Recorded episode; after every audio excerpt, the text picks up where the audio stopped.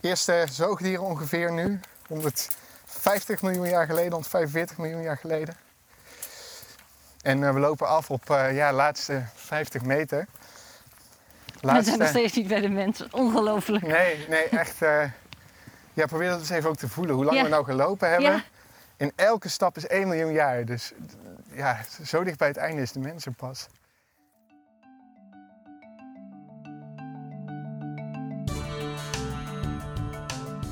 Ja, welkom bij deze wandelpodcast van Radboud Reflect. Mijn naam is Wouter Veldman. Ik ben programmamaker bij Radboud Reflex. En vandaag ga ik samen met Lisbeth Jansen, ook programmamaker, en Boris van Meurs, filosoof aan de Radboud Universiteit, wandelen. Uh, en we wandelen uh, in 4,6 kilometer door 4,6 miljard jaar geschiedenis van de aarde heen. Um, en dat doen we in het bijzonder met uh, Boris van Meurs, omdat hij onderzoek doet naar het Anthropoceen. Um, en het Anthropoceen noopt ons, volgens Boris van Meurs, om anders na te gaan denken, ook over tijd. Uh, en ook stil te gaan staan bij de geschiedenis van de aarde. Dus vandaag gaan we allebei die dingen doen. We gaan stilstaan bij de geschiedenis van de aarde en nadenken over het Anthropoceen.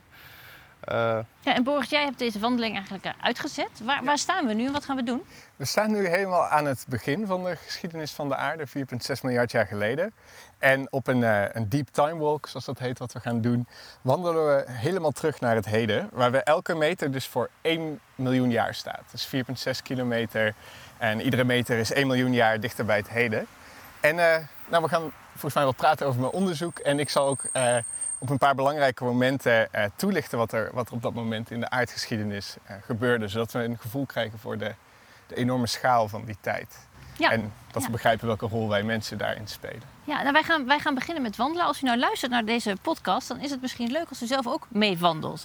En dat kan uh, als je in Nijmegen of, of in omgeving woont met de route uh, die op onze website staat. Die heeft uh, Boris samen met, uh, met, een, met een vriend en collega samen uitgezet. Die is dus precies 4,6 kilometer. Maar je kunt ook gewoon starten of je nou in, in, Nijmegen, in Groningen of in Amsterdam of waar ook ter wereld woont. Wij moeten even aan de kant, want er komt een auto aan. kun je gewoon starten waar je ook wil en deze podcast luisteren. En daarmee dus door de geschiedenis van de aarde lopen. Vanaf het prilste begin tot het heden en het ontstaan van de mens. En daarover gaan we volgens mij dadelijk hele bijzondere uh, dingen horen. Ja, laten we gewoon Gaan we starten? Ja, Oké. let's go. En Boos, jij doet dus onderzoek naar het Anthropoceen, hè? Ja. Wat, wat, het is best wel vaak in het nieuws, maar wat is het nou precies? Uh, het Anthropoceen is een, uh, in wezen een geologisch begrip. Dus het, het, is een begrip wat door geologen bedacht is. Mm -hmm. Om de meest recente periode te beschrijven. Waarbij het idee is dat de mens nu uh, zulke invloed heeft op, op uh, de stenen die achter zullen blijven uit deze tijd. dus denk aan plastic, denk aan, aan nucleair afval, ja. denk aan ook gewoon grote veranderingen in, in de soort fossielen die achterblijven. Omdat we bijvoorbeeld um, enorm veel bepaald soort dieren hebben geïntroduceerd. Ja. Er zijn nu meer kippen dan, dan welke andere vogel dan ook. Echt waar? Ja, ja, ja. Dus, en dat blijft allemaal behouden uiteindelijk in de, in de aardlagen die ontstaan. Ja. En uh, geologen uh, delen dus de tijd in in, in stukken. Uh, ze praten over Holoceen, Pleistoceen, noemen ze geologische epoches. Die allemaal gedefinieerd worden aan de hand van, van veranderingen die ze in de bodem zien. En het idee is dus dat we nu misschien als mens zo'n grote invloed hebben dat we echt van zo'n nieuwe epoche kunnen spreken. Ja. Um, en er is nog discussie over. Het is een heel lang institutioneel proces voordat het officieel wordt.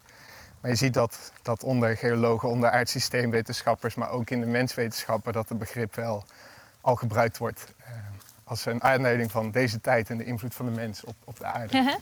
Ja, en ik zit ook even ik zit om me heen te kijken. We zijn net uh, gestart bij het landgoed Brakkestein en we lopen nu door de woonwijk Brakkestein. Wat eigenlijk heel grappig is, want als we kijken naar de tijd waarin we nu lopen, dan zijn dat eigenlijk zo de eerste meters, dus de eerste miljoenen jaren ook. Ja, uh, van het ontstaan ja. van de aarde. Kun je daar iets over zeggen? Wat is er dan wat is er aan de hand? Ja, we hebben nu dus al een paar miljoen jaar uh, erop zitten. Dus uh, ja, als u hier thuis aan het lopen bent, dan probeer dat een beetje te beseffen. Dat elke meter ja, langer is dan, dan onze geschiedenis teruggaat zoals we die kennen van de Egyptenaren en, ja. en zo. wat er nu gebeurd is, is nou, de, het, er is een enorme explosie geweest van een ster Het heeft allemaal elementen rondgeslingerd waardoor uiteindelijk de zon kon ontstaan. En 4,6 miljard jaar geleden klonteren ook onder invloed van, van zwaartekracht onder andere de eerste elementen samen die de aarde vormen. De aarde is nog gloeiend heet, koelt langzaam af. En eh, waar we nu zijn, is, eh, ontstaat ook de maan. In het begin Ah. van, de, van de aarde, eh, ehm, de eerste paar honderd miljoen jaar, vinden enorme heftige bombardementen van meteorieten op aarde plaats. Mhm. Er was nog geen, geen dampkring bijvoorbeeld om dat, eh, om dat tegen te houden. En dat slingert grote stukken rots de ruimte in. En de maan is dus het gevolg van eens een enorme botsing van een planeet met de aarde. En ze is eigenlijk een stuk, stuk vroege aarde die, eh, Mhm. Oh, die losgeslingerd is. Aha. En eh, dat, eh, dat vindt nu ongeveer plaats.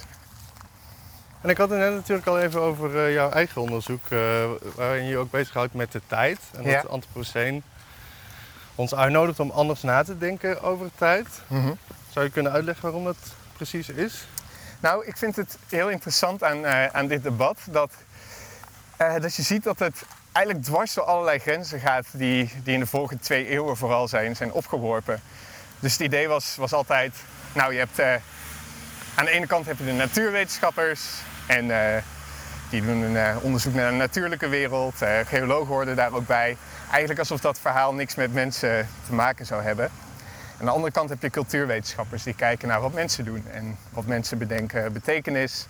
eh, en ook naar de sporen die mensen nalaten. Maar door het Anthropoceen zijn die twee eigenlijk helemaal door elkaar geschud. Want historici moeten in één keer uitleggen waarom ze eigenlijk nooit eerder nagedacht hebben over de grote klimaatimpact bijvoorbeeld van mensen. En als ze dat wel willen beschrijven, dan moeten ze in één keer gaan luisteren naar nou ja, klimaatwetenschappers, maar soms ook naar geologen. En aan de andere kant, geologen die willen eh, en ook aardsysteemwetenschappers die willen eh, begrijpen hoe de aarde nou werkt. Die komen er niet omheen dat ze iets zullen moeten met, eh, met de invloed van de mens. En de invloed van, eh van systemen als kapitalisme, onze economie ook op, op de aarde. Dus die twee werelden die heel erg gescheiden waren, die, die lopen nu dwars door elkaar. En ehm, ik ben dus heel benieuwd naar hoe, hoe historici en, en andere menswetenschappers een plek gaan geven aan die geologische dimensie die ze eerder helemaal niet, eh, niet zagen of zelfs niet hoefden, hoefden te zien aan ons handelen. En eh, daardoor ben ik ook heel geïnteresseerd geraakt zelfs in de geschiedenis van de planeet en wat dat eigenlijk over ons ook zegt. Dat wij nu zo'n invloed eh, op het verloop van die geschiedenis gaan hebben. Maar zou je dan ook zeggen dat we ook echt iets te maken hebben met die geschiedenis? Want wat, wat heb ik nou te maken met wat er 3 miljard jaar geleden, ik weet Ja. niet hoe ver we inmiddels zijn, is gebeurd? nou ja, we zijn nu denk ik, eh, we hebben denk ik een meter of 500 geloof ik. We zijn eh, op 4 miljard jaar geleden ongeveer. Eh, ja, wat heeft het ermee te maken? Nou, elke keer eigenlijk je sleutel omdraait van een auto. Of elke keer dat jij een stuk plastic gebruikt. Of elke keer dat jij in een vliegtuig stapt. maak je gebruik van fossiele brandstoffen die uit dat verleden stammen. En heb je invloed op het aardsysteem, hoe klein ook. Wat, eh, en een invloed die nog heel lang merkbaar zal zijn, veel langer dan jij zelf leeft. Dus denk aan plastic wat als fossiele ergens kan eindigen. Of denk aan, eh, eh, als je vlees eet, de veranderingen in de samenstelling van, van diersoorten die we nu op aarde zien. En eigenlijk bij elk aspect van ons leven, waar we daar eerst misschien een beetje blind voor waren, weten we nu dat er wel een spoor is met, met de geologische invloed van de mensen. Dus ook gebouwen die we bouwen, die- steen moet ergens vandaan komen.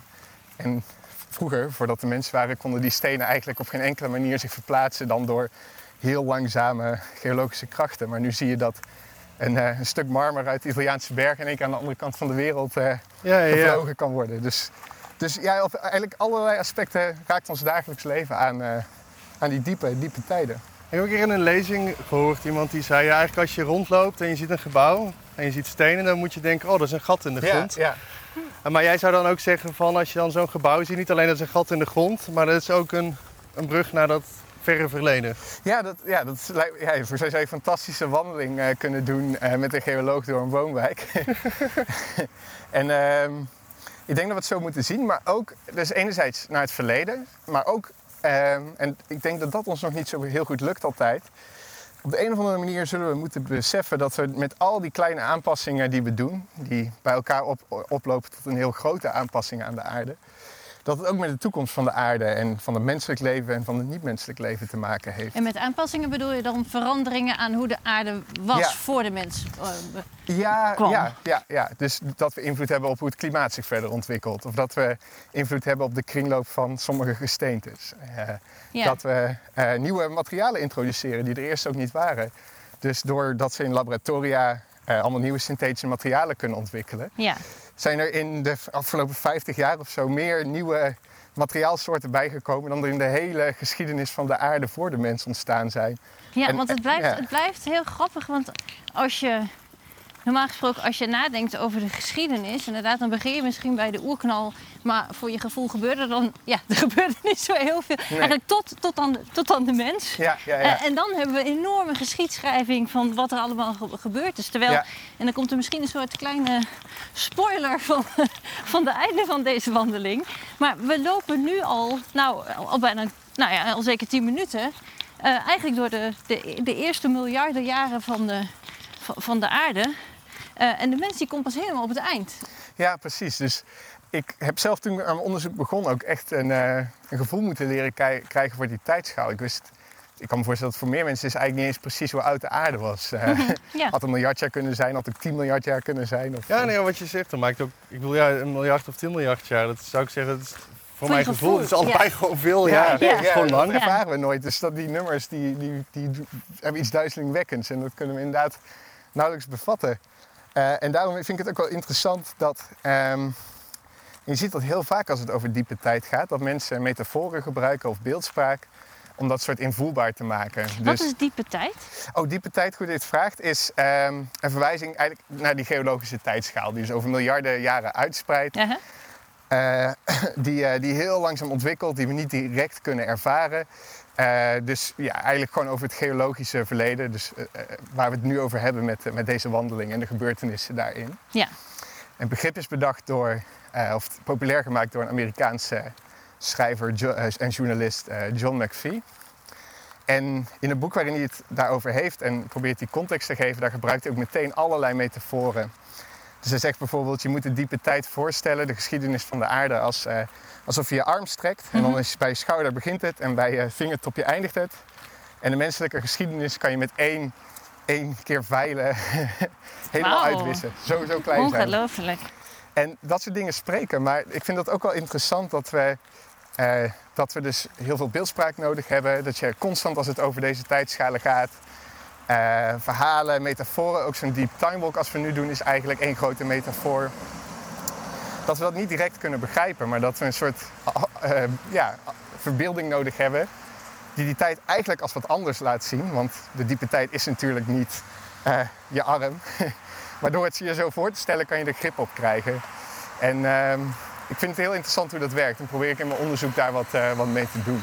Wat, wat doe je dan We moeten precies? zo meteen hier even over en dan, eh Ja, dan we gaan nu een grote weg oversteken. De scheidingsweg om precies te zijn. En dan lopen we Heumensoord in. En daar is het rustiger. En dan zijn... Nou ja, dan lopen we Hoor je eigenlijk de waarschijnlijk meer uit. vogels dan Meer auto's. vogels dan Ja. auto's. Een klein stukje langs de weg, want eh, ik was vergeten één keer naar rechts te gaan. Oké, maakt niet uit. Maar je had het net al over je eigen onderzoek. Ja, Ehm, nou weet ik dat jij ook met, eh met bezig bent.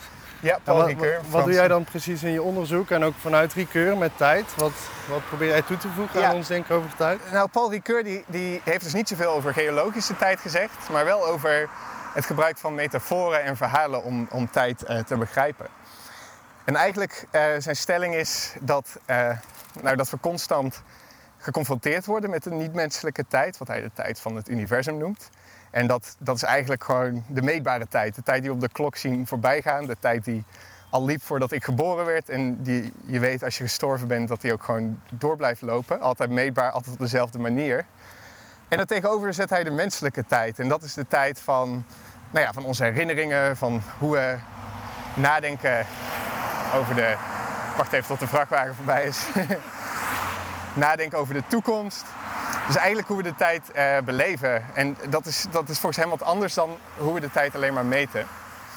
Ehm, en volgens hem spelen verhalen een heel grote rol in het samenbrengen van die twee. Dus verhalen spelen in een, in een wereld af die, eh, eh, die gewoon een, een verhaal heeft een begin en een einde in de tijd. Maar doordat het een begin en een einde heeft, wat ook een bepaalde betekenis heeft voor, voor waarover het vertelt, kan het helpen om die tijd die, die eigenlijk niks met ons te maken heeft, toch als betekenisvol te zien. En ik wil kijken of ik zijn, zijn theorieën over wat, wat we doen als we verhalen vertellen en hoe dat raakt aan tijd, of we dat niet ook kunnen toepassen op, uh, uh, op de geologische tijd die we nou uh, in het Anthropoceen dus zo duidelijk naar voren zien komen. Ja, en ik vind het interessant wat je net zei, van dat je zeg maar de tijd die niks met jou te maken heeft, om die toch als waardevol ja, ja. Uh, te zien of als betekenisvol. Want ja, ik kan me inderdaad voorstellen dat het zo werkt. Die afstanden in de tijd bedoel ik, zijn zo groot. Um, daar, daar, kun je als gewoon sterveling je bijna niks meer voorstellen. En dus uh, is, het ook, is het ook al gauw iets wat minder, uh, minder belang heeft of zo. Mm -hmm. Dat is inderdaad het risico. Want ook die. En dat het daarom ook belangrijk is wat voor soort metaforen je gebruikt. Want zo'n metafoor als van John McPhee met die gestrekte arm, dat laat ook zien hoe nietig wij zijn. Ja. En dat het eigenlijk bijna helemaal los van ons staat. Ja. En, uh, en dat is dus ook het kader waarin heel vaak die geologische tijd besproken wordt. Als iets van, oh ja, een soort achtergrond. Dat is, uh, dat is iets wat heel onverschillig is tegen ons. Ja. Maar tegelijkertijd benadrukt het toch ook wel, jij hebt het over de nietigheid. Maar ik zou toch ook zeggen dat als het maar zo'n klein stukje is en we toch zo'n grote impact hebben, dat Ja. het ook juist de tegenovergestelde benadrukt van de nietigheid. Ja, ja, ja, ja, dat klopt. En dat is hier recenter dus ook uh, meer terugkomen. Uh, we gaan trouwens een rustiger stukje in, uh, zo voor de, dat, ik weet niet hoe goed we te verstaan zijn met al die ruisende auto's. Ehm, dus je ziet nu veel meer verhalen, gewoon in boeken bijvoorbeeld en in films die proberen te laten zien. Nou ja, enerzijds dat de mens echt heel veel invloed heeft, maar ook dat dat um, dat het een uitdaging voor ons is waar we iets mee moeten. Dat we dat uh, uh, een betekenis moeten geven en ook een, een, plek moeten geven in ons eigen leven. En het is best wel gevaarlijk om het alleen maar als een soort achtergrond te zien of als een tijd die er al zo lang was voordat wij er waren, dat eigenlijk niks met ons te maken heeft. Uh, en ik hoop ook dat we als we deze tocht gelopen hebben, dat, dat ik op een paar momenten heb kunnen aangeven waarom we zelfs die diepe geschiedenis elke dag nog tegenkomen. Want waar zijn we nu ongeveer? We zijn nu uh, ongeveer bij uh, uh, 3,8 miljard jaar geleden. Dus we hebben al flink, al Flinke ja. bijna een kilometer gelopen. En ehm, er is natuurlijk al ontzettend veel gebeurd op, op aarde. Of, nou, nou, ja, het ligt eraan wat je veel noemt, want die eerste miljard jaar is wel relatief stil vergeleken bij, bij nu. Maar wat een heel belangrijke gebeurtenis die nou plaatsvindt, is dat het eerste leven ontstaat. Waarschijnlijk ergens diep, diep in de oceaan bij een, bij een warmtebron. En dat vind ik altijd wel een mooie om bij stil te staan, dat er ooit een eencellige moet zijn geweest die de voorouder is van al het leven op aarde. En je zei diep in de aarde bij een warmtebron. Ja, dat is, dat is de theorie. Ik, ik ben natuurlijk geen, uh, geen, uh, geen chemicus of bioloog. Nee. Maar het idee was dat er bepaalde omstandigheden nodig waren. Dus uh, wat, um, de aarde vindt zich op de juiste plaats van de zon, waardoor het water op aarde niet bevriest en niet verdampt. Uh -huh. Uh, dus dat was al een goede voorwaarde voor dat eerste leven. Maar nog steeds moest er iets zijn wat, wat dat trigger gaf Ja. van, van niet-organisch naar Ja. het organische. En nou ja, het is een heel gedetailleerde discussie, maar voor zover ik weet wordt dus gedacht dat het ergens diep in de oceaan op de bodem uh, de juiste Ah. energie werd gegeven om dat, uh, om dat in gang te zetten. En daar, lopen staan we wij nu. allemaal vanaf. Ja, daar lopen we nu. Dus alles wat we om ons heen zien, de bomen. Maar er is ontzettend veel wat we om ons heen zien. Maar tegelijkertijd noem je het ook al dat die eerste eh, eh, miljard jaar of zo, Ja. miljoen jaar zijn relatief stil. Er gebeurt niet zoveel, Ja. maar is dan alles wat we om ons heen zien, is dat echt een heel langzaam proces geweest. En je had het ook over het eerste leven. Heeft Ja. dat dan ook miljoenen jaren geduurd? Of zijn dat meer korte episodes waarin dan opeens heel veel... Ja, daar is een heel lange discussie over. Dus als we die tijd denken, die, ge- dat geologische verleden, dan kan je heel grof gezegd eigenlijk twee, eh, twee houdingen tegenover nemen. En de eerste geologen, eh, mensen als James Hutton in de, in de eind 18e eeuw, die begonnen na te denken over, over het verleden van de aarde. Die braken met het, met het christelijke verhaal. Die dachten eigenlijk dat de krachten die we vandaag zien, dus dingen als erosie, dat, dat bergen heel langzaam slijten, dat je telkens wat zand in de rivieren ziet meegevoerd worden, et cetera. Dat die krachten eigenlijk min of meer op altijd dezelfde manier eh, gewerkt hebben op aarde. Dus hij dacht, oké, dus stel dat ik nou in zoveel jaar zoveel zand zie langskomen, dan extrapoleer ik dat naar een paar miljard jaar. en dan begrijp ik in één keer waarom die berg op een bepaalde manier is, is afgesleten, heel grof gezegd. Ja. Ehm, en eh, als je zo naar, de, naar de, de geologische tijd kijkt, dan kan je dus eigenlijk alles van het verleden terughalen door maar in te beelden van... Oké, ik zie deze krachten aan het werk. Eh, als ik gewoon nadenk over miljoenen jaren, wat zouden die dan teweeg kunnen brengen? En dat was heel lang de, de gangbare manier om die geschiedenis te denken. Mhm. Totdat ehm, eh, eigenlijk vanuit meer biologische hoek mensen erachter kwamen dat er dingen als uitstervingen hebben plaatsgevonden. Dus tegenover James Hutton wordt dan vaak eh, Georges Cuvier gezet, een, een professor in Parijs. Die, die onderzoek deed naar, naar botten en fossielen die gevonden werden van, van diersoorten die hij geloofde dat die niet meer bestonden. En zijn theorie was wat genoemd werd catastrofaal. Dus hij is een catastrofist. Hij gelooft dat de geschiedenis niet in die langzame veranderingen, zoals, zoals James Hutton eh, dacht, we gaan hier naar rechts trouwens, Aha. maar juist in heel snelle eh, breuken eh, zou plaatsvinden. Een soort rampspoed denken. Ja, precies. Ja. dus er kan iets gebeuren en er kan heel snel in één keer een hele soort weggevaagd Ja. zijn. En het is wel grappig, want dat kan dus juist vanuit meer een hoek die wij met evolutietheorie zouden, eh, zouden associëren nu.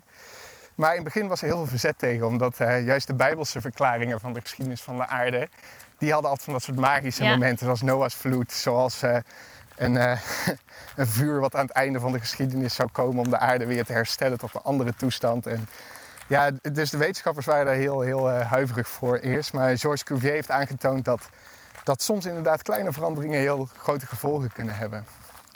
En die discussie is, nou ja, het is een beetje een anticlimax. Eigenlijk hebben ze allebei gelijk. Sommige processen zijn heel lang en regelmatig. Maar eh, we weten ook dat inderdaad kleine, kleine verstoringen heel grote effecten kunnen hebben eh, op de aarde. Die kan in één keer heel gevoelig reageren. Net zoals een klein beetje meer koorts voor het menselijke lichaam. Ja. Als je al koorts Ja. hebt, in één keer eh fataal kan zijn. Maar Ja, speelt ja. die discussie dan vandaag ook een belangrijke rol als het gaat over eh, klimaatverandering door de mens? Of is het dan wel duidelijk een van de twee? eh, Ja, dus daar zullen, zitten ook beide, beide aspecten aan. Eh, dus je hoort veel eh, zorgen over tipping points in de, in de aarde. Dat zijn, zijn bepaalde momenten waarop een klein beetje meer CO2 of een klein beetje meer warmte in één keer tot een enorme versnelling kan, kan leiden. Alsof je de aarde echt uit balans duwt. Als de aarde op één teen staat te balanceren en een klein duwtje een heel, veel groter effect heeft dan normaal. Eh, ja, dus daar zijn mensen, zijn, eh, dat, dat is eh, zou je kunnen zeggen meer catastrofistische visie erop. Maar dat wordt wel gelinkt ook aan de, aan de lange, lange hartslag zeg maar, van sommige processen die op aarde spelen. Dus, dus beide zijn ze wel relevant. Een andere discussie waar we misschien ook nog wel over kunnen hebben is hoe uniek is de mens nou op aarde en in de verstoringen die wij aanbrengen. Want we weten dus ook dat er eh, eerder soorten zijn geweest die, eh, die de aarde uit balans hebben Ja, kunnen hier komt de trekken. blauwalg. De blauwalg, ja, we zijn er bijna. Ja, oké, als we dan toch bijna zijn, dan ga ik toch even iedereen die met ons meeluistert laten meegenieten van hoe prachtig het hier is. We zijn nu ja, je eh, hoort onze voetstappen waarschijnlijk in al. het zand. Hier is hei, er zijn berkenbomen. Ik zag net twee libellen achter elkaar aanschieten. Ja, we zitten nu eigenlijk bij de, bij de zandvlakte van, eh van Humsoort. Over door de speeltuin. Natuurlijk Maar zijn we dan dus ook inderdaad al bijna bij de blauwalg? Want eh, die noem jij net, Liesbeth. Ja. Maar dat is natuurlijk iets uit ons voorgesprek. Ja, Eh dus het heeft wat context nodig. ja. Ja, de blauw is eigenlijk nog een paar honderd miljoen jaar eh, Oh, dat is- verder. dat maar heel als Oh, we we nog, moeten even wachten, oké. voorlopig zijn we er zo. Eh, ja, ik kan hem wel vast aankondigen hoor, want hij komt dichter en dichterbij. Eh, nou, de blauwoog is een, is een soort geweest, ehm, een van de eerste soorten die, eh, die kon fotosynthetiseren. Dus die het zonlicht kon gebruiken om, om CO2 op te slaan en, en zuurstof terug te geven. Mhm. Dus nou, adem maar eens goed diep in en uit. En dat we kunnen, kunnen ademen is onder andere te danken aan, eh, aan deze blauwalgen die, eh, die ongeveer 2,8 miljard jaar geleden boel, vind eh, het normaal eigenlijk heel vervelend vind. zijn zit al in het water. waardoor we niet kunnen zwemmen. zwemmen, ja. Daar ga je dan met andere ogen naar kijken. En ehm, ja, de- dus de- je moet je voorstellen als er in één keer zo'n nieuwe kracht op aarde komt. Dus als, dat zijn nogal belangrijke elementen op aarde, zuurstof en, en koolstofdioxide. Omdat, zoals we allemaal weten, CO2 eh, zorgt dat de aarde opwarmt. En als je in één keer een enorme afvoerput daarvoor hebt, omdat er overal blauwogen groeien die dat lekker opslokken. dan, eh, dan wordt het natuurlijk heel koud met de tijd. Dus eh, je ziet dat ook gebeuren, eh, geologisch gezien vrij kort nadat die blauwe algen op het toneel verschijnen. Wat is dan vrij kort? Eh, ik geloof over de loop van een paar honderd miljoen jaar. dus het is eh, voor deze wandeling om de hoek, maar voor, eh, Ja. voor onze eigen verwachtingen in de alle dag wat verder weg. Eh, dat, dat de aarde heel erg afkoelt en zelfs bijna helemaal bevriest. Er is wel discussie over, geloof ik, onder geologen hoe, eh hoe, hoezeer de aarde bevroren was. Moet ook een Maar klein dat komt stukje rechtdoor. Ja, want die, die haalden dus alle eh, CO2 uit de atmosfeer. En er waren toen eigenlijk nog vrij weinig processen, behalve vulkanisme en, en waarschijnlijk wat andere processen, om dat weer terug te brengen. Aha. Dus wij hebben nu als mensen het vuur en, en het gebruik van fossiele brandstoffen die heel veel CO2 in de, in de atmosfeer brengt. Aha. Maar als dat er allemaal helemaal niet zou zijn, eh, of tenminste, ik, hallo, ik wil niet zeggen dat het, goed idee, dat het goed is dat wij dat nu doen, want het gaat echt geologisch gezien heel snel hoeveel wij terugpompen. Maar als je helemaal geen afwerp voor, eh, voor, eh, om CO2 weer terug te brengen, dan zal het ook langzaam afkoelen op aarde. En die blauwalgen hebben dus eigenlijk het tegenovergestelde gedaan van wat wij nu doen. Wij pompen enorm veel CO2 in de atmosfeer, waardoor het niet op tijd weer terug kan zakken in de aarde en, eh, en in de oceanen en we opwarming krijgen. Die blauwalgen snoepten juist alle CO2 weg en er was er niks om dat, om dat weer terug te brengen. Dus de aarde eh, bevroor daardoor bijna helemaal, behalve een kleine, kleine band rondom de evenaar wordt, eh, wordt dus- gedacht, waar, het, waar het leven nog net, net kon overleven. Dus Ja, dus zowel de blauwalg als de mens hebben eigenlijk als enige levende wezens waarvan we weten een soort tipping point gecreëerd voor ontwikkelingen. Ja, Ja, ja, in ieder geval alle twee echt heel grote. Ik, ik geloof dat er ook wel discussie is over bepaalde boomsoorten in het Devon. Maar eh, die blauwalgen hebben in ieder geval echt een heel groot effect gehad. En Mhm. dat is inderdaad vergelijkbaar eh, met wat de mens nu aan het doen is. En in ieder geval filosofisch vind ik dat vergelijkbaar. Eh, omdat de vraag dan rijst, oké, dus zo'n zo'n blauwalg deed dat. Blijkbaar hoort het dus ook bij de geschiedenis van de aarde dat soort omwentelingen kunnen komen. Wat is er nou precies anders aan eh, dat wij als mensen dat nu doen? En zijn wij vergelijkbaar met die blauwogen of zijn we heel anders? Zijn we net zoveel deel van, van de aarde als, als dat soort veranderingen? Of, eh, of zijn we toch een soort plaag of, of virus? Of... Maar bedoel je dan ook dat Parasiet. die vergelijking met die blauwalg, eh, dat je dat, daar kan gebruiken om te zeggen van... hé hey, kijk, het hoort er gewoon bij, eh, het is eigenlijk helemaal niet zo erg wat we doen. Het is gewoon eh, nou, ja, ik zou dat, onderdeel van de natuur, om het even heel bot te zeggen. Ik zou dat niet zeggen, want ik denk dat, we- dat het grote verschil is dat wij weten dat dit gebeurt. Dat we instituten hebben die dat allemaal live kunnen meten. Dat we weten wat de schade is aan andere soorten. Eh, en ook voor ons eigen voortbestaan dat het heel kwalijk is wat we doen. Wat het wel laat zien, denk ik, is dat grote veranderingen, eh, en vrij abrupte grote veranderingen, eh, wel bij de aarde horen. En eh, dan krijg je interessante vragen zoals, is ons denkvermogen, is dat ook gewoon een deel van een van evolutionair proces dat nu een nieuwe balans aan het zoeken is. Ehm, hebben wij andere verantwoordelijkheden doordat we dit, dit weten dat dit gebeurt? En hoe moeten we die verantwoordelijkheden dan gaan invullen? Bij wie ligt de bal, zeg maar? Want we zijn niet echt verenigd als één mensheid die, eh, die zegt: Oh, nu gaan we dit doen, nu gaan we dat doen. Maar dan zou je boodschap dus eigenlijk zijn dat we nu misschien wel heel erg op die blauwalgen lijken... omdat we er een beetje blind in meegaan. Maar dat we minder als blauwalgen moeten zijn door eh, ons meer bewust te worden van wat we aan het doen zijn. Ja, ja inderdaad. Ja, ja, ja. ja en de grote, vraag, samenvatting. de, grote vraag, is- de grote vraag is hoe we dat, eh, hoe we dat kunnen doen, Eh, denk ik. Ja, En, en dat we ook weten, er is ook namelijk wel kritiek geweest op de, op de ecologische beweging. Bijvoorbeeld door eh, de filosoof Slavoj Zizek, die ooit zei van... Het lijkt soms wel alsof de, de ecologische beweging de aarde helemaal wil bevriezen in een, in een bepaalde toestand zoals het 40 jaar geleden was. En alle natuurlijke veranderingen o- ook wil tegenhouden. ja. Dat is misschien een beetje gechargeerd, maar ehm, ik denk dat we dat besef dat de natuur, zo noemden we, zo praten we vaak vroeger al, mooie Eh ja, eh, eh, zelfs als je in de 19e eeuw nog denkers leest over de natuur en natuurkrachten, dan lijkt dat alsof dat allemaal altijd helemaal hetzelfde is.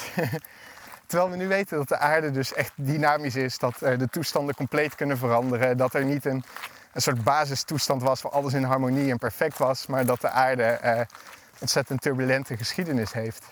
Dus als we dan nadenken, wat is onze verantwoordelijkheid tegenover de planeet?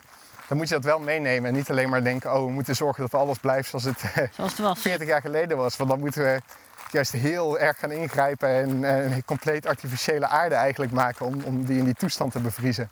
Ja, dat. En, en kunnen, we het nog, kunnen we het uit elkaar houden, zeg maar? Kunnen we nog wel precies zeggen wat nu de invloed is van de mens en wat zeg, de natuurlijke Ja, ontwikkeling is?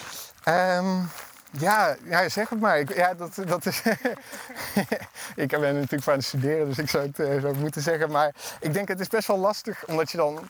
Voor mijn gevoel is het begrip natuurlijk, niet natuurlijk. Dat soort begrippen zijn wat minder bruikbaar geworden hierdoor. Haha, ja, Omdat we normaal bedoelden met natuurlijk eh, alles wat niet menselijk is Precies. of alles wat van zichzelf zo is. En ja, dan, dat wordt heel moeilijk om dan te begrijpen. Zijn de veranderingen die de mens nou doet, zijn die nou helemaal aan ons te wijten of ligt dat ook aan de aarde? Eh, dat is altijd best wel lastig om dat te bepalen, denk ik. ja. We gaan hier trouwens weer, eh, weer links. We zijn op het verste punt nu. We lopen langzaam alweer. Oh, we Hoi. langzaam weer terug.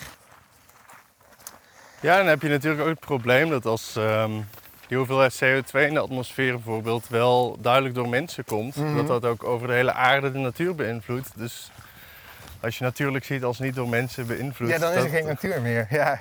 En dan, dan, dan zou je ook kunnen zeggen, oh, dus we hoeven niks meer te beschermen of zo. Want er is toch al niks meer zoals het, zoals het puur en goed was. Dus dat is dan zelfs een beetje gevaarlijk als je, als je zo denkt. Eh, dus ja, ik, ik denk dat we dit allemaal nog een plek eh, aan het geven zijn in hoe we nadenken over onze verantwoordelijkheid tegenover de planeet. En dat dat, dat, dat lange, lange verhaal erbij, dat die diepe, die diepe tijd zoals we die nou ervaren, dat het nog steeds echt zoeken is voor natuurbeschermingsorganisaties. eh, om te begrijpen wat is. eh, ja, wa- wat zijn wij eigenlijk aan het beschermen en, en hoe, hoe ziet een ideale aarde eruit? Is dat een aarde zoals die 30 jaar geleden was? Of Hmm. eh, is dat een aarde die wel verandert, maar in ieder geval veilig blijft voor zoveel mogelijk mensen? Ehm, Ja, in hoeverre is het misschien ook niet eh, een, alleen een taak dan van natuurbeheer, maar ook van een, een overheid of Ja, een, een, ja. een, een filosoof om te kijken hoe kunnen we ons aanpassen aan ja. Een veranderende aarde. Ja, Ja. en toch merk ik ook, Boris, als jij zegt van, ja, het is, gewoon een, het is een langer verhaal en we moeten daar... Ja.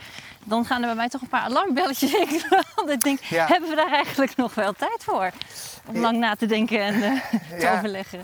Nee, ja, heel goed. Ik denk, eh, sommige veranderingen die zijn ingezet en ook het idee dat het antropoceen er al is, eh, geven wel aan dat de, dat de veranderingen al hier zijn. En we Mhm. weten ook dat steeds meer mensen echt al lijden aan klimaatverandering. Ja, Dus we moeten niet doen alsof het een catastrofe is die ooit een keer gaat komen als een grote tsunami. Zeg maar. Er zijn nu al mensen die eh, wiens oogsten mislukken, wiens eh, dorpen overstromen, Ja. de toekomst van wiens eilanden bedreigd wordt. ja, eigenlijk zitten we Dus- er al middenin. We zitten er middenin, Ja. ja. En eh, het is niet meer zozeer een kwestie van voorkomen, denk ik. En dat, dat zeggen auteurs als, als Bruno Latour, die veel met het antropoceen bezig zijn ook. Het wordt echt een kwestie van hoe, hoe gaan we in deze toestand leven? En op een zo goed mogelijke manier leven. Ja, en voor wie precies? Want ik zie hier ook opeens een parallel tussen waar we het in het begin over hadden: van hè, de tijd waarin we lopen is zo ver weg dat je nauwelijks iets bij voor kunt stellen en het dus ook ja, minder belangrijk lijkt. Ja, En het feit dat de mensen die nu al echt aan hun lijve eh, ervaren wat de consequenties zijn van de klimaatverandering, ja, dat zijn wij niet hier hè, in het Nee. Rijke Westen. nee, Eh, nou ja, hooguit eh, de bosbranden eh, in in, Canada. Amerika en zo. Ja, Ja, Ik las laatst ook in overstroming in Florida. ja, nee, nog niet. Maar ik maak dat ook dat we hier nog gewoon toch op een bepaalde manier nog geen gevoel van echte urgentie hebben. Omdat ja, wij, onze dorpen staan niet onder water. Nog, hier, maar toch hier. nog. Ja, Heeft het ook met die afstand te maken, denk je? Ja, dat denk ik. eh, ehm, ik denk dat het voor mensen heel moeilijk is om zich in te beelden eh, wat dit betekent. Ja. Omdat het zo'n. Ja, kijk, het is, het is voor ons een langzaam, geologisch gezien een heel snel proces. Ja. Het vindt op allerlei plekken eh, plaats op andere manieren. Dus we weten nooit helemaal. eh, er is niet één vorm die klimaatverandering aanneemt. Oh, is een, uh, een uh, daar weg. Oh. Leuk. Eh, dus dat maakt het ook heel moeilijk om, om erover over te praten. En, en daarnaast, eh, sommige. Ik, ik ben nu een beetje aan het denken, zeg maar, hoe we, hoe we dus zo'n zo'n crisis kunnen verbeelden. Dat het, dat het ons aanspreekt. En je hebt ook auteurs die zeggen, ja, eigenlijk is dat, is dat bijna onmogelijk. Omdat onze verbeelding, als we een, een verhaal lezen, willen we dat het geloofwaardig is. Mhm. En geloofwaardig betekent meestal dat het, dat het eh, zich een beetje gedraagt zoals, eh, eh, zoals de aarde zich gedroeg 30, 40, 50 jaar geleden. Maar als je bijvoorbeeld een boek zou lezen, nou misschien inmiddels omdat het in Canada gebeurd is, kunnen we ons wat voorstellen, maar waarin een, een heel dorp in één keer afvikt binnen een kwartier. Ze denken, ja, een beetje dramatisch eh, bedacht, het gebeurt niet in het echt zo. Nee. En nu gebeurt het wel. Dus, Ja. eh, dus verhalen moeten enerzijds een, een crisis afbeelden die, eh, die, die echt meerdere generaties zich steeds anders zal ontwikkelen. Ja. Die op alle plaatsen op aarde anders eruit ziet. Ja. En ehm, ook nog die, die dus eigenlijk elementen heeft die nu nog zo onvoorspelbaar zijn dat ze een beetje breken met, met een van de regels van, van verhalen schrijven, namelijk dat ze geloofwaardig moeten zijn. Ja, en plus mensen zijn natuurlijk ook nog eens notoire korte termijn denkers. Ja, ja. Zijn we trouwens een beetje op, eh, op schema? Waar, waar zijn we inmiddels? Zijn we al bij de Lezen aan Land? Goed, eh, Volgens mij, volgens mij is dat nog een heel stuk verder weg. Ja? Ja, we lopen nu ongeveer op zeg 2, 2 miljard jaar, 1,8 miljard jaar geleden. Dus eh, de blauwen zijn geweest, de aarde is een keer flink, eh, flink bevroren, langzaam weer ontdooid. Je ziet zo rondom, rondom nu dat, eh, dat het leven iets, ehm, iets diverser al begint te worden. En dan moeten we nog niet denken aan bomen, dan moeten we nog niet denken aan vissen of, of zoogdieren, maar we moeten denken aan eh, eh, dat bacteriën een, een celkern beginnen te krijgen. Dus hiervoor lag het, lag het DNA eigenlijk gewoon los, los in zo'n bacterie. En, en, eh, en werd dat een beetje uitgewisseld door splitsing en andere vormen. Maar nu, eh, nu beginnen cellen een kern te krijgen, waardoor ze hun, ehm, eh, veel meer, een veel complexere genen kunnen krijgen. Wat echt de start is voordat het leven zich verder gaat ontwikkelen. Oh ja. En dat is best wel interessant, omdat ehm, als het leven dus steeds meer kan reageren op, op wat er in de omgeving gebeurt, doordat het DNA complexer kan zijn, betekent dat ook dat het leven steeds meer een kracht kan worden op aarde die, die van invloed is. Dus eh, ik noemde al die, ehm, die eh, fotosynthetiserende blauwalgen die heel grote veranderingen brachten. Vanaf nu kunnen, kunnen soorten zich dus steeds specifieker gaan ontwikkelen op basis van de niches die, eh, die ontstaan op aarde. En ook effect hebben, dus ook een tegenkracht bieden tegen zulke grote veranderingen. Maar voordat het echt, echt van start gaat, zijn we nog wel een paar, eh paar eh Maar bedoel je dan ja, we liepen net al, al langs, langs eh, we hadden het eh, voordat de podcast begon even over het zevenblad dat we tegenkwamen en de haargewinden of de, het pispotje Ja. hoe het heet. Wil je dat dan met zeg maar leven als kracht op aarde die dan zo'n heel, eh heel perkje overneemt? Of, of... Ja, ik, ik denk dus ook aan die de, eh, die de samenstelling van de atmosfeer bijvoorbeeld kunnen gaan aanpassen. Dus eh, door die fotosynthese van, van de eerste eh, blauwalgen. We kunnen hier rechts en dan lopen we zo op het, eh, op het spoor af. We kunnen even een, eerst eentje links en dan rechts, denk ik. Dat is handiger. Krijg je ook uiteindelijk soorten die juist het tegenovergestelde kunnen doen. En die, die de zuurstof goed kunnen gebruiken die, die in de atmosfeer ontstaat. Dus je krijgt een soort eh, het leven wat, een, wat kan bijdragen aan het ontstaan van, van tijdelijke balansen, zeg maar, in, in de uitwisseling van de, eh, van de materialen over de sferen van, van de planeet. Maar er is al wel dus nu leven op aarde, ook al zijn het kleine organismen. Dus dit is niet allemaal wat nog diep in de oceanen Ja, zich eh, op aarde, op de planeet aarde.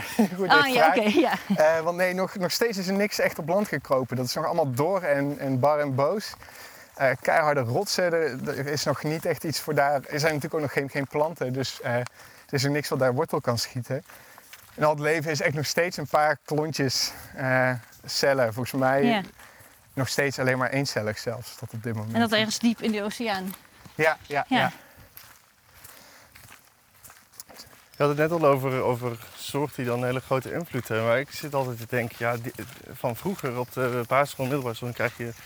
Ja, je had dino's en toen kwam er een meteoriet, boem. En toen was dat, eh, ging dat langzaam allemaal weg. En nou, toen kwamen de zoogdieren. Maar dat is dan iets wat van buitenaf komt. Maar jij lijkt eh, meer te suggereren dat er vaak juist van binnenuit van de aarde, dus van beestjes en lichtvat, die verandering komt. Ja, dus ehm, eh, die meteoriet, daar komen we nog op. En de dino's ook. Ik dacht ook altijd dat dat echt ehm, in een heel ver verleden lag. Maar zoals we zo dat zijn zullen ervaren... niet. Nee, nog lang niet. Nee, niet. nee. Dat ligt echt om de hoek, eh, bij van het einde. Eh, eh, Nou, in ieder geval, de, de, de, ehm, wat ik weet van, van de geologische geschiedenis, is dat zeker in het begin de grote veranderingen daar komen door, door impact van, van ofwel het leven, of bijvoorbeeld door het verschuiven van de continenten, waardoor er in één keer veel meer vulkanische activiteit is, van dat soort veranderingen. Dus in zekere zin inderdaad van binnenuit, vanuit het aardsysteem eh, en vanuit eh, eh, ja, veranderingen en processen die daarin spelen. En die meteoriet is, is natuurlijk een heel sprekend voorbeeld wat echt van buitenaf kwam. Maar heel veel van de grote omwentelingen zijn toch door processen op aarde zelf gekomen.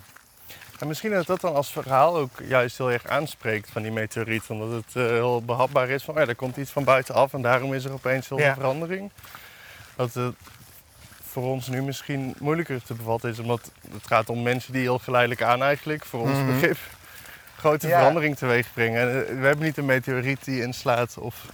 Nee, nee, precies. Terwijl het is bijna, eh, zo ervaren we het niet. eh, omdat het, omdat het, ja, dus ook omdat onze menselijke tijd wat anders werkt dan, dan die tijd voor de geologen.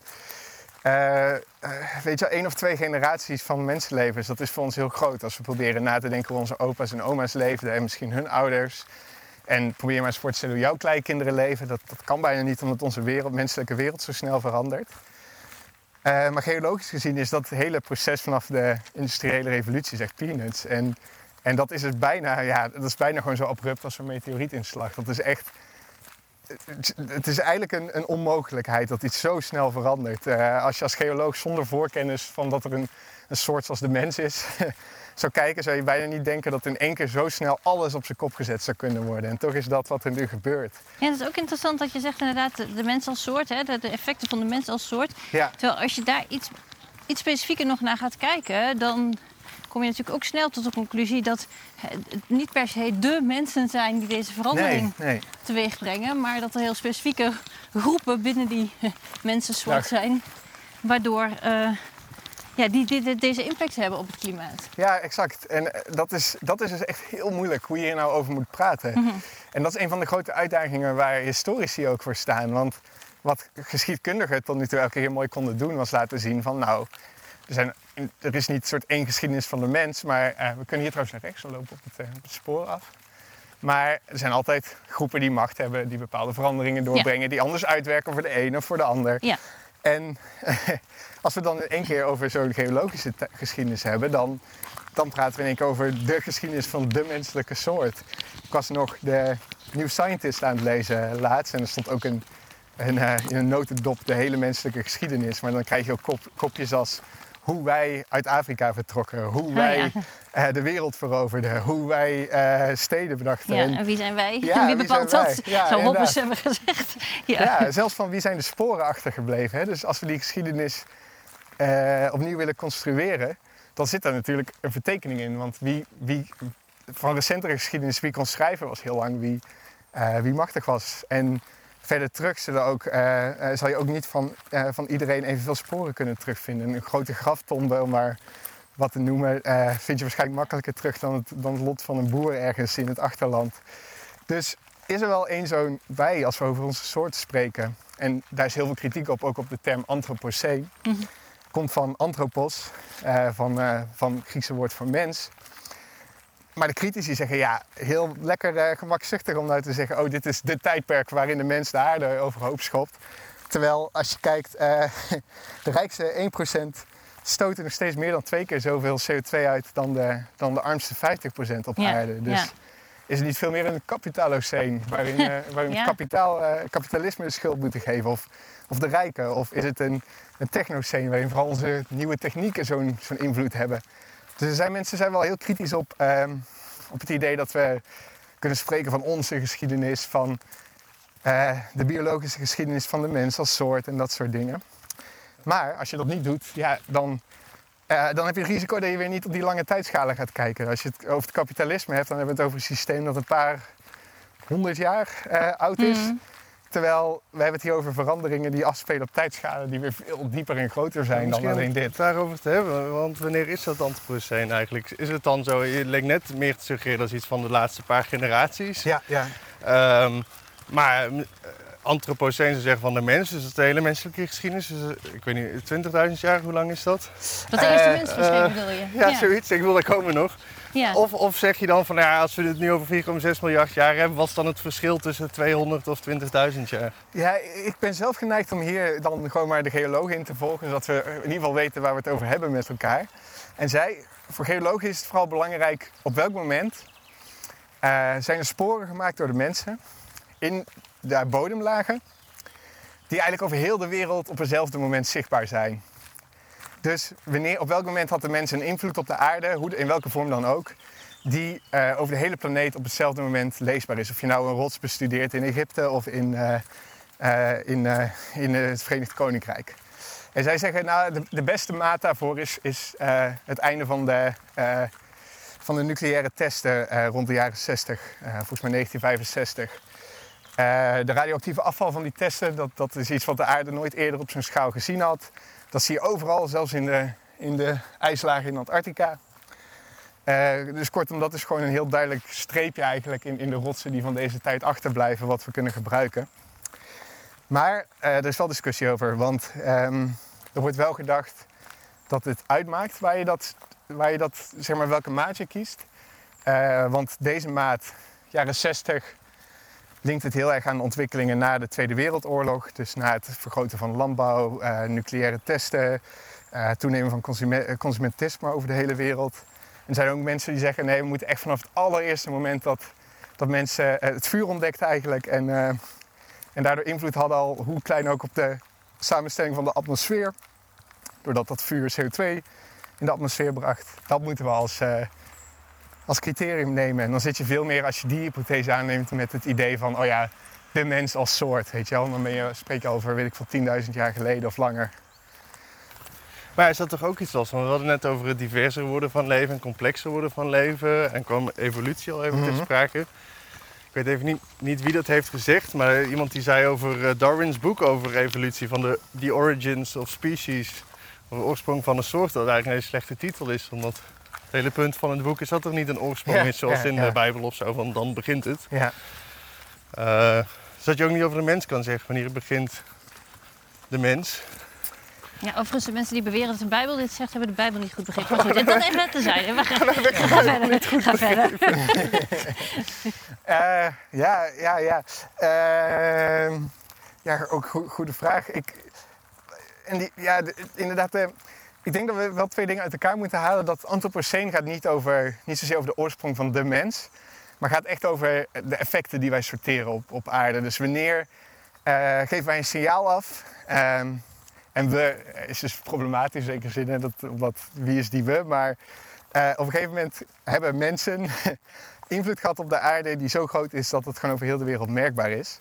Maar dat zegt niet zozeer, volgens de geologen in ieder geval, zegt dat niet zozeer zeer over wie de mens is of hoe zij de mens begrijpen. Ehm, maar eh, eh, het gaat echt puur om, puur om dat effect wat ze dan kunnen lezen in de rotsen. Ehm, ik had Maar als we bedacht, dan- ja, oh ja, ja, ja? de oorsprong. Ja, eh, dat dat dus inderdaad misschien een minder belangrijke vraag is. Ook omdat we niet meer Ja, kunnen denken dat er in de aarde een soort oorsprong was die helemaal goed was en waar we naar terug moeten. De aarde verandert en eh, daar moeten we, eh, dat moeten we mee leren leven op een of andere manier. En, en daar zo verantwoordelijk mogelijk mee omgaan. Ja, en dan komen we weer even terug bij, bij waar we het net over hadden. Dat verschillende groepen mensen op verschillende plaatsen in de wereld natuurlijk een, een minder grote of juist een veel grotere voetafdruk, ecologische voetafdruk hebben. En dan vraag ik me altijd af, ehm, weet je, het is, het is natuurlijk waar dat, dat wij hier in het Westen, nou ja, hier zijn het zoiets als hoeveel keer meer Ja, de impact rijkste 1% hebben. eh, Ja. eh, twee keer 100 zoveel keer of twee keer 50. zoveel, nou ja, zoiets. Ja. Bij elkaar. Ja. Ja. Maar tegelijkertijd, wat daar volgens mij als risico altijd een beetje om de hoek loert, is dat je daarmee ehm, eh, de armoede gaat, gaat romantiseren. Of dat je zegt van, gewoon zoals mensen i- op bepaalde plekken Ja. in Afrika nog leven, zo was het eigenlijk bedoeld. Terwijl Ja. die mensen daar ook graag een koelkast willen en dan graag een iets Ja, lagere kindersterfte, zeg maar, dan, ja. dan, dan ze nu hebben. Ja, en dat, ja, dat, is, dat is waar. Er ligt eh, is wat dan wel eens. eh, ik ken de Engelse term even alleen eh, environmental racism. Het Mm. idee dat, dat dit soort ide- milieu-ideeën gebruikt worden om eh, racistisch eh, eh, beleid te voeren. Dus Hm. je hebt dat ook met het behoud van regenwouden gehad, waar dan in één keer de bewoners van zo'n regenwoud, die daar al generaties lang leefden, eruit ge- gedonderd werden omdat het niet paste in, Oh ja. in een pure natuurbeeld wat, de wat de Westerlingen hadden. ja. En hier is is hetzelfde risico. En er zijn ook moeilijke vragen natuurlijk. Ja. Van hebben andere landen niet ook het recht, als zij historisch minder uitgestoten hebben, om dat nu in te halen? En, Mhm. en hoe, hoe, hoe ga je met dat soort eh, ongelijkheden om? Die als we het helemaal zich- recht zouden ja. trekken, ja, dan, dan is het voor iedereen Ja, te laat. dat we nu natuurlijk makkelijk met onze vinger wijzen naar eh, eh, nieuwe Aziatische industrieën. Mhm. Maar dan even vergeten dat wij dat zelf ook gedaan hebben. 100 jaar geleden ook misschien nog wel erger...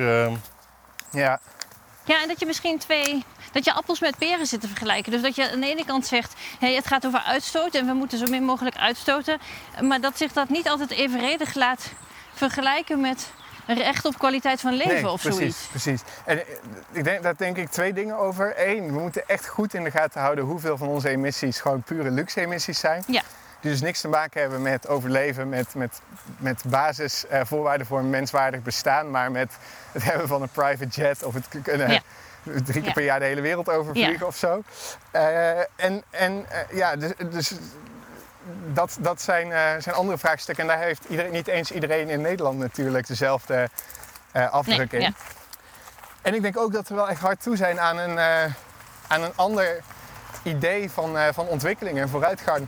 Want, ehm, wacht even tot we de, de drukke weg over zijn. Ja, we zijn weer Hemmersfoort uit.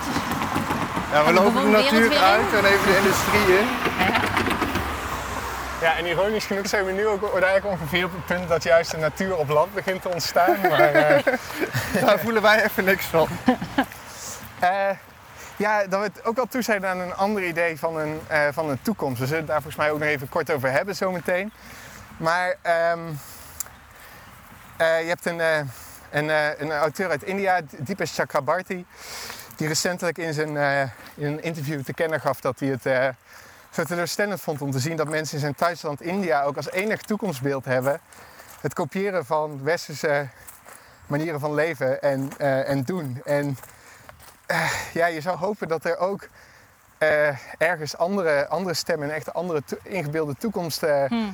ontstaat. Want dit is, dit is natuurlijk niet de enige weg vooruit, zeg maar. Het is een heel... Ja, eenzijdig perspectief. Ja. Ja, en ehm, ja, ho- hoe dat moet vormgeven is natuurlijk een heel moeilijke vraag. En ook dat, eh, eh, ja, zoals, zoals jij terecht aangeeft, Liesbeth, dat we moeten oppassen dat we niet... eh, niet mensen aan de andere kant van de wereld in één keer dezelfde rechten ontzien als, als waar wij er Hmm. nu van genieten en zo lang al van genoten hebben. Maar ik denk wel dat, dat het heel belangrijk is, en ik hoop daar als filosoof een, een kleine bijdrage aan te kunnen leveren om, om echt andere manieren van over eh, onze plek in de, in de geschiedenis en, en tegenover de toekomst eh, te kunnen denken. Ja, nou misschien dat filosofen en nog wat andere nou ja, kunstenaars en dat soort dingen. eh, dingen, dat soort, dat soort beroepen of wat, hoe je het moet omschrijven. Misschien daar ook wel bij uitstek goed in zijn, omdat ze goed zijn in verbeeldingskracht.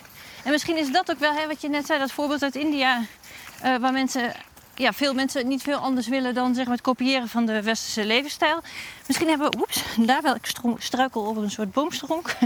Ehm, dat we daar wel het meeste nood aan hebben. Aan, gewoon aan, aan creativiteit en verbeeldingskracht en fantasie om andere manieren van, van denken en leven te kunnen ontwikkelen. Ja, ja, het zal in ieder geval deel van de, van de oplossing moeten zijn. En, ehm, eh, we hebben natuurlijk ook gewoon nieuwe technologieën nodig die, die efficiënter zijn en dergelijke. Maar je ziet als je bijvoorbeeld ehm, de rapporten van eh, de Intergovernmental Pa- Panel on Climate Change leest. Dat is het instituut wat, wat echt eh, toonaangevend is in samenvatten van de stand van zaken van de wetenschap. En op basis daarvan oriënteren beleidmakers zich.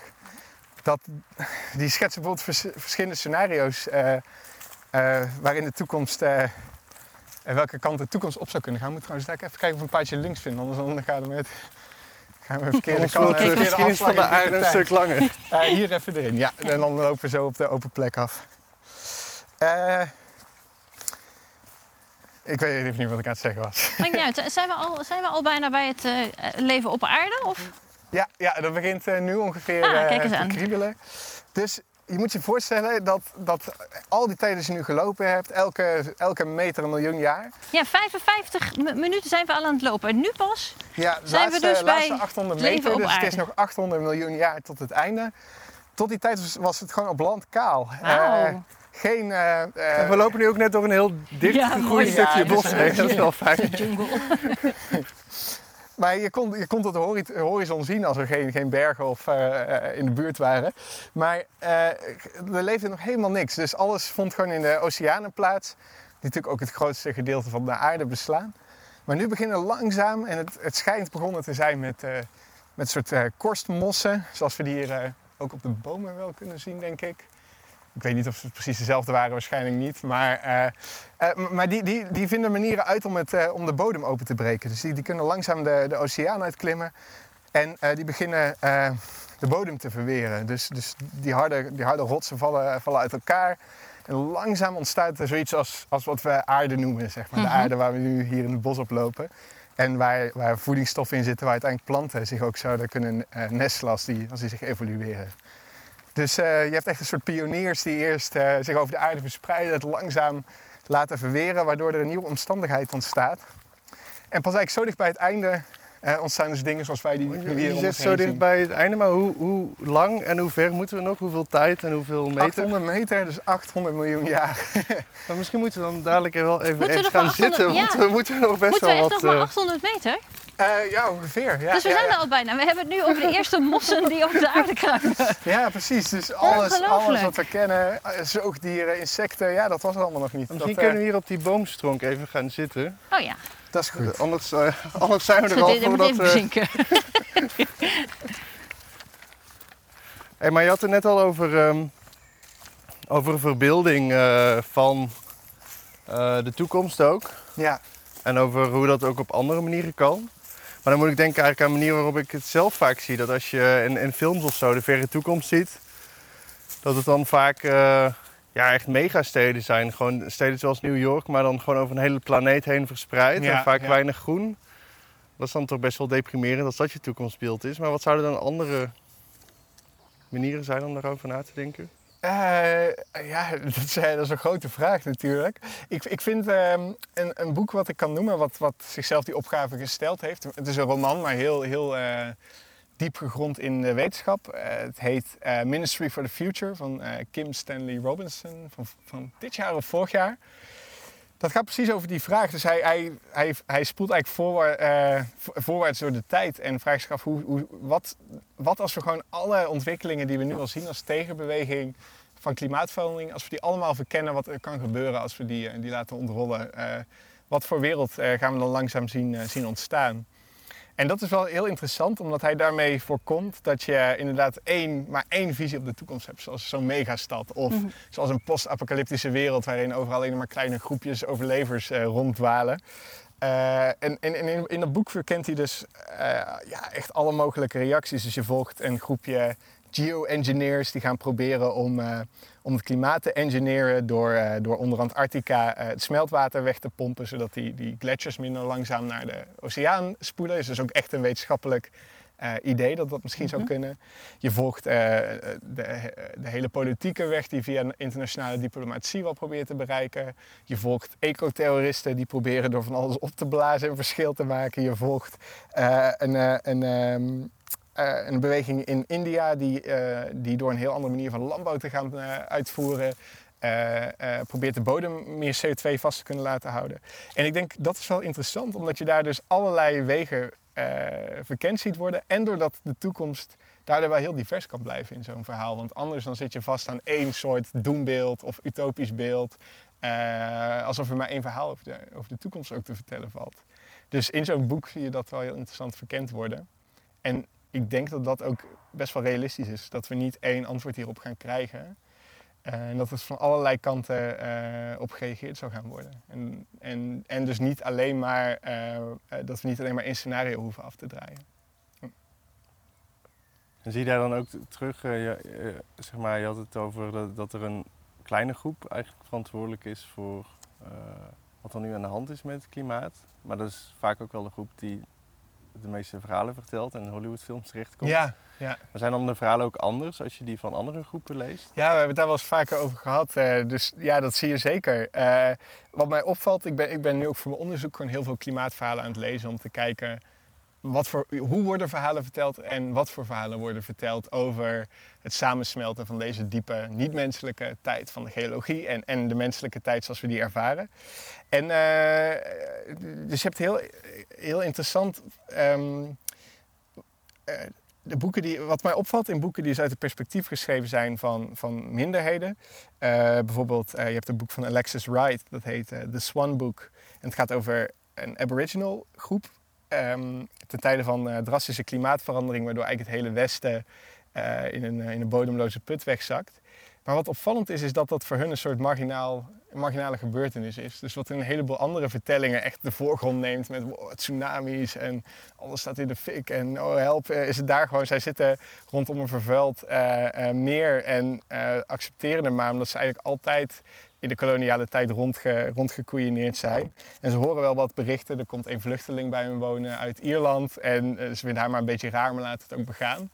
En dat is, vind ik een heel interessante manier om het te vertellen. Omdat je dan beseft, oh ja, dit, dit is inderdaad... ehm, klimaat wordt zoiets universeels. Alsof het iedereen op dezelfde manier raakt. Dat we wel eens vergeten dat, dat het inderdaad anders uit gaat spelen in verschillende Nou ja, en verschillende dat mensen dus overal hetzelfde zijn. Nou, die kijkt eigenlijk vooral naar je eigen kleine omgeving. Ja, ja, en de rest ja. is eigenlijk een Ja. soort kanttekening in de... Ja, precies. Ja. Precies, alhoewel het in zulke verhalen ook wel echt ingebed wordt in... in eh, moeten we weer... eh, of doe je niet Nee, ja, volgens mij, je zei net dat we nog 800 meter of 500 meter hadden. Ja, het is onge- ongeveer nog ach- 800, 700 meter tot het einde vanaf hier. Ja. Nou, Dus we kunnen heel we- langzaam lopen. Ja, ook. laten we dat doen. En, waar, en gaan we het dan wekken. over hebben? Wat gaat er allemaal gebeuren in die laatste 800 meter? Ja, eigenlijk alles wat wij, wat wij kennen van aarde. Dus eh, bossen gaan ontstaan. Eh dinosaurussen komen er ook aan langzaam over een paar honderd meter. Insecten.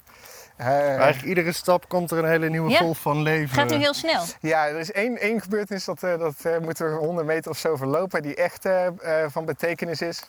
En dat heet eh, de Cambrische explosie, de Cambrian Explosion.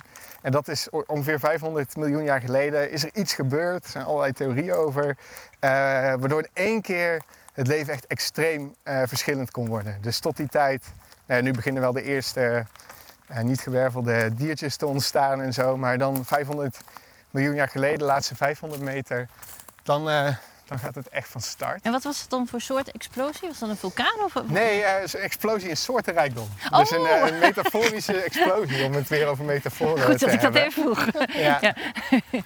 Ja. Ik moet heel even kijken. Gaan we de goede kant op? Gaan hier links. Het is wel heel mooi. Het is wel jammer dat we geen eh, cameraploeg hebben meegenomen, mensen. Ja, het is heerlijk hè, de campus zo dichtbij Ja. dat groen hebt. Ja. Nou, daar komen we nu dus ongeveer aan. Dat is volgens mij, als ik dit zo zie, ook net het moment dat we dus het bos uitlopen en gewoon weer de bouwde, bebouwde Ja, kom in gaan. park gaan. Maar ehm, ja, dus dat, dat, dat is een, eh, een gebeurtenis die nog heel erg tot de verbeelding spreekt. Dan krijg je echt die trilobieten, dus van die soort pissebedachtige beestjes die het heel lang uitgezongen hebben voordat ze ook eh, ten onder gingen. en, en er begint ook een, een andere soort verstoring in de hartslag van de aarde begint te, klinken, omdat we ook de grote uitstervingsgolven vanaf nu gaan zien. Dus eh, dat is misschien op zich wel logisch dat je eerst een heleboel verschillende soorten moet hebben voordat ze kunnen uitsterven. Maar met die, met die, eh, ja, die, die extreem snelle opkomst van, eh, van verschillend leven, zullen we daar ook zien dat een paar keer echt flink mis is gegaan. En dat geeft ook weer een beetje context om te begrijpen wat er nu gebeurt. Eh, om, om te begrijpen hoe groot de omvang is van, van die veranderingen die wij teweeg brengen. Want hoe zagen die golven er dan uit in het verleden? Ehm, eh, het had allerlei verschillende oorzaken. Dus eh, oh, het moet heel even oriënteren, want het ziet er heel anders uit nu het zo zomer is. Maar ja, we gaan goed. Ehm, ik zal er zo even wat, wat over zeggen, want ze hadden allerlei verschillende oorzaken. Soms kwam het doordat eh, bijvoorbeeld vulkanische activiteit heel erg toenam, doordat de continenten, eh, continentale verschuivingen eh, toenamen in intensiteit. Bij de dinosaurus was dus een meteoriet.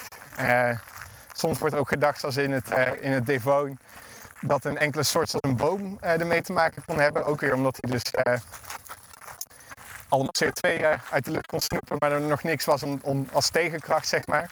die bomen die, eh, die konden niet goed verteerd worden nog als, ze als ze omvielen. Dus al die, eh, al die CO2 werd naar de bodem, eh, bodem gebracht. Maar eh, ja, even kijken. Laten we, laten we kijken wat er nu langzaam begint te bestaan. Nu de eerste landplanten. De laatste 500 meter zijn we nu aangekomen. Ehm, dus het mos heeft het allemaal een beetje opengebroken. En, en bepaalde mossen beginnen nu te evolueren tot soort vaatplanten. met wortels en interne buizen. Dus eh, dat begint een klein Zijn beetje op de 500 Weet je waar wij- het wat we om ons heen zien? We zien ook wel wat mos nog. Wat varens. Varens volgens mij zelfs nog later, dat durf ik niet helemaal te zeggen. Maar ja, nu, eh, nu ook al de eerste uitsterving. Dus we hebben hier een paar van die mosstengels en het gaat al verkeerd. Ja, ik denk. Boris dat je nu echt heel snel moet gaan praten wat, wat er nu allemaal gebeurt Ja, in die paar honderd meter die we nog hebben. Ik het bij te houden. Riffen van sponsen en koraal ontstaan 443 miljard jaar, eh, miljoen jaar geleden. En ehm, ja, ik denk nu ongeveer ontstaat het eerste dierlijk leven op land. Duizendpoten en spinachtige kruipen nu overal rond. En zijn die dan, hoe, zijn dat dan van die hele kleine beestjes zoals wij die nu ook kennen? Of zijn die dan... Ik durf het niet helemaal te zeggen. Ik weet dat ze later wel veel groter werden, omdat eh, de zuurstofniveaus nog veel hoger waren. Mhm. die, die zijn weer wat, eh, wat afgenomen, als ik, het, eh, als ik me niet vergis. En ja, ze leken dus wel wat op de beesten die we nu hebben, maar wel echt anders. Is het dan niet eigenlijk veel waardevoller om... nu zijn Oh, nu zijn we... varens. Yes, varens. En ik kan me toch één kant er echt niks aan doen, maar ik zit de hele tijd te wachten op... Nu komt de industriële revolutie, nu komt dit en dan komt de Efteling. en klaar. Ja, dat, eh, we moeten nog We even. moeten nog even. Maar we hebben nu Ja. dus 4,6 miljard jaar gepakt. Met het idee dat het zo oud de aarde is. Maar is het... Nu gebeurt er opeens heel veel. Ja, Is dat vanuit ons perspectief zo van nu gebeurt er veel? Of is het dan... en- ja, is dat even wa- even voor dat een eh, massa-extinctie. eh, hier, eh, Devonse massa-extinctie. 374 miljoen jaar geleden, oké. Eh, ja, eh, dat is wel een heel goede vraag. Dus één, we weten dat wat er over is gebleven in de rotsen een heel vertekend beeld geeft. Want ehm, niet alles laat een spoor na. Bijvoorbeeld soorten die helemaal geen skelet hebben of geen, eh, eh, geen schelp, sch- eh, schelpen of zo. Ja, die, hoe ga je die zien zeg maar, in de rotsen? Dat, dat laat niet zo'n spoor na zoals een, zoals een skelet of, een, of, of zo'n trilobiet die een, die een afdruk ergens achterlaat. Dus enerzijds hebben we echt wel een bias als we naar het verleden kijken. En ja, wat is gebeuren? Hè? Dus, dus ik bedoel, dat, dat, we hebben wel miljarden jaren lang bacteriën van alles meegemaakt. Ik weet niet hoe... je hebt dat paper van Thomas Nagel, What's it like to be a bat? Het zou ook al, dus hoe is het om een vleermuis te zijn? En dan laat hij zien dat het heel moeilijk is om je voor te stellen. Ik kan me ook voorstellen dat het interessant zou zijn om te vragen... hoe is het om een bacterie te zijn van een paar miljard jaar geleden? Want dan krijg je ook misschien wel meer gevoel voor wat gebeuren betekende. En waar zitten we nu? Eh, oh ja, we gaan, sorry, we vliegen door de tijd Ja, natuurlijk. precies. Ehm, even kijken, ik denk dat we nu ongeveer 300 meter nog moeten. En dan beginnen we met de grote sterfte van het, eh, van het perm. Lage niveaus van CO2, hoge zuurstofniveaus. Maar als het supercontinent Pangea, dat is samenklontering van eigenlijk alle, zo'n beetje alle continenten die we kennen. Massale vulkanische activiteit en de planeet warmt wel 8 graden op. Eh, we moeten hier naar links. Ja, die mensen die hier wonen, die weten dat dus allemaal niet. Ja, we lopen nu in een woonwijk, maar die weten dus gewoon niet dat ze tussen de dino's le- eh, leven. Nou, nog niet eens dino's, Wouter. Nog steeds geen dino's, nee. Maar dus, dus die eh, grote sterfte in een perm begint met 8 graden opwarming.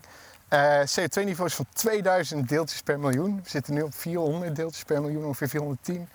En eh, leidt eh, tot eh eh 96% uitsterving van alle maritieme soorten en 70% van de, de wezens die dan op het land leven. En dan, Wouter, 228 miljoen jaar geleden, eindelijk dinosauriërs. Yes! Ook, ik, alleen, ik heb volgens mij wel verkeerd. We moeten eigenlijk naar de ingang van Park Brakkenstein. Dus ik voel ons toch een beetje een geologische kronkeling. Maar dat maakt niet zo heel veel uit. Dan, eh, Maar het is toch wel grappig, want voor mijn... eh, da- ja, goed, daarom begin ik er nu ook steeds over. Maar eh, ja, wat je toch meekrijgt, is eh, aarde ontstaat. Nou, dan komt er wat eerste leven en dan heb je dino's en dan zijn wij er. Dat is Ja. een beetje het verhaal. Maar dat, Driedeling, ja. ja, je ziet nu, dino's zijn echt onze achterneven of zo. Hè? Die gewoon eh, Ja, eigenlijk vlak achter ons, eh, vlak achter ons aankwamen. ja. We lopen nu dan ongeveer in het Jura, 200 miljoen jaar nog eh, tot het einde. Of tot, het, eh, tot de menselijke tijd. En ehm het is echt Jurassic Park, zeg maar. Dus dinosaurussen groeien snel, ze dragen veren. De lucht is gevuld met pterosaurussen, voorouders van onze kip. En het aarde is super divers op dit moment. Eerst bloeiende planten komen. Eh, en eh, pro- kunnen ook eh, zaadjes produceren. Dus eh, eh, nu gaat het echt Oh, wel- dat is dus ook echt een heel nieuw concept Mechanisme. eigenlijk. Ja, zaadjes. ja, ja, dus die planten daarvoor konden dat, eh, dat blijkbaar nog niet.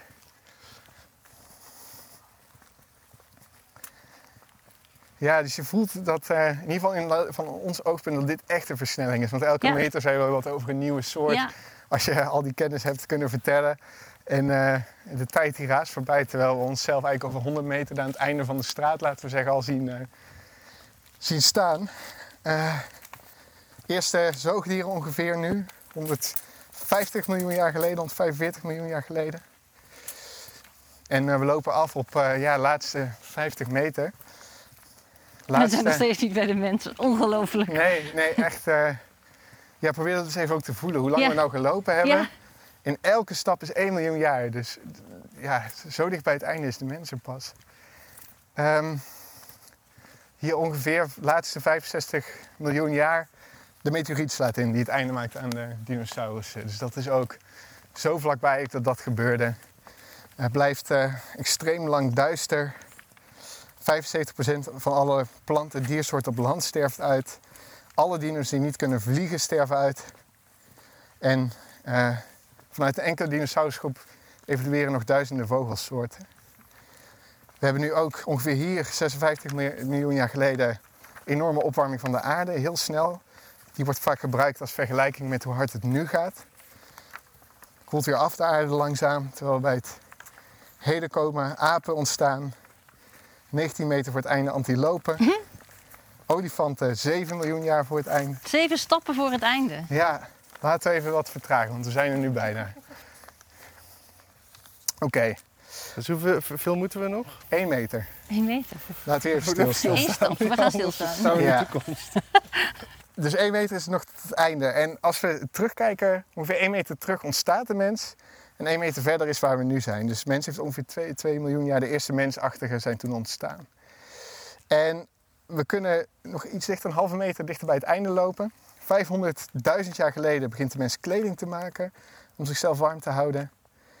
300.000 tot 200.000 miljoen jaar geleden, dus dat is 20 centimeter voor het einde, eh, beginnen, eh, komt uit alle, alle eh, evolutionaire complexen komt, eh, de Homo sapiens eh, naar voren. Ja, je zei miljoen, maar je Eh, bedoelt 200 tot 300.000 jaar. Ja, precies. De Ja. laatste 20 centimeter. Je kan het eigenlijk nu, zitten we echt op het laatste stukje van de wandeling, ongeveer ter grootte van, van je gestrekte hand, zeg maar. Laatste 6 centimeter, je vinger, laten we zeggen. Begint onze soort uit, eh, onze directe vooruit uit Afrika te migreren naar, eh, naar andere gebieden van de wereld. Neandertalers zijn 40.000 miljoen jaar, eh, 40.000 jaar eh, geleden uitgestorven, dus ongeveer 4 centimeter. Mhm. We komen steeds dichter en dichterbij en we zijn nu eigenlijk echt bij de laatste, het laatste stukje. En als we dan denken van, van wat we nog over hebben, die ene vinger die we nu nog uitstrekken van de hele wandeling, dan is de industriële revolutie is slechts de laatste 2 mm van deze hele tocht. De industriële revolutie, 2 Ja. millimeter. Dus waar de echte grote uitstoot begint, is zo- zo'n klein stukje van die hele diepe geschiedenis die we nu hier achter ons hebben liggen. En ja, jouw eigen leven is dus niet groter, laten we zeggen, als je geluk hebt om 100 jaar te worden, dan 1 millimeter van die hele tocht. Al die meters die je gewoon gedachteloos kon stappen, eh, hebben we hier afgelegd. En we weten dus nu dat de mens echt alles op zijn kop aan het zetten is. Dat CO2-niveaus hoger zijn dan ze in het Holocene en Pleistocene geweest zijn de afgelopen geologische tijden. We introduceren drie keer zoveel stikstof als er natuurlijk in omloop zou zijn in de wereld. En we verplaatsen door gebouwen eh, te bouwen, eh, door eh, te mijnen, meer sediment dan alle natuurlijke processen samen. Dus zoals rivieren en, en erosie. En we weten ook dat de zesde uitstervingsgolf bezig is. Dus al die soorten die we hier de afgelopen 100 meters hebben zien oppoppen, zijn bedreigd. En nu al sterven er 10 tot 1000 keer zoveel soorten uit dan, dan natuurlijk het geval zou zijn. Wauw. Ja, en nu zijn we dus in het Anthropocene. En nu moeten we bedenken, wat, wat Hoe gaan we verder, doen met die reis die we achter ons hebben liggen. Ja, precies. Wetende dat er nog ongeveer een keer zo'n reis in de toekomst instrekt. Hoe lang, hoeveel meters zullen de mensen nog zijn? Ja, Kunnen we het redden? ja. Hoeveel soorten slepen we mee? Ja, dus ik hoop dat we een manier kunnen vinden om dit hele verhaal... wat ik nu een beetje met jullie gedeeld heb, eh, van betekenis te voorzien. En dat we dit niet alleen als een achtergrond zien... maar proberen in die ene millimeter die we zijn dit een plek te geven. En te denken hoe we, hoe hoe we de toekomst in kunnen met dit alles in onze gedachten. Ja, dankjewel Boris van Meurs. Volgens mij zijn dit eh, inderdaad mooie woorden om eh, onze wandelpodcast mee te besluiten. En ik merk ook dat ik zelf echt nog een beetje beduust ben van alle informatie. Niet alleen de informatie, maar ook de impact daarvan. En nou ja, goed, we hebben het al meerdere keren gezegd, de nietigheid eh, van de mens. Ehm, beste mensen, eh, wandel zelf vooral ook. Eh, natuurlijk kan dat, je kunt een rondje lopen in uw huiskamer. Ehm, ehm, maar het is eh, denk ik echt indrukwekkender als je dit al wandelend doet en, en niet alleen maar luistert. Ik hoop dat je ervan hebt genoten. Namens Wouter Veldman, mijn collega en mijzelf. Leuk dat jullie er waren, leuk dat jullie luisteren. Nogmaals dank aan Boris Heel van Meurs. Ja, En tot de volgende keer. Ja. dankjewel.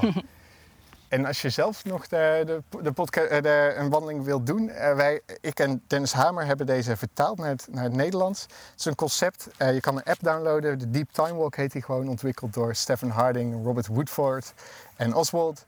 Die, die hebben ook een prachtige app die je kan luisteren om te lo- lopen met nog veel meer informatie over de, de aardgeschiedenis. Dus ook alle credits naar hen voor het, voor het opzetten van het, van het idee. Leuk, dankjewel.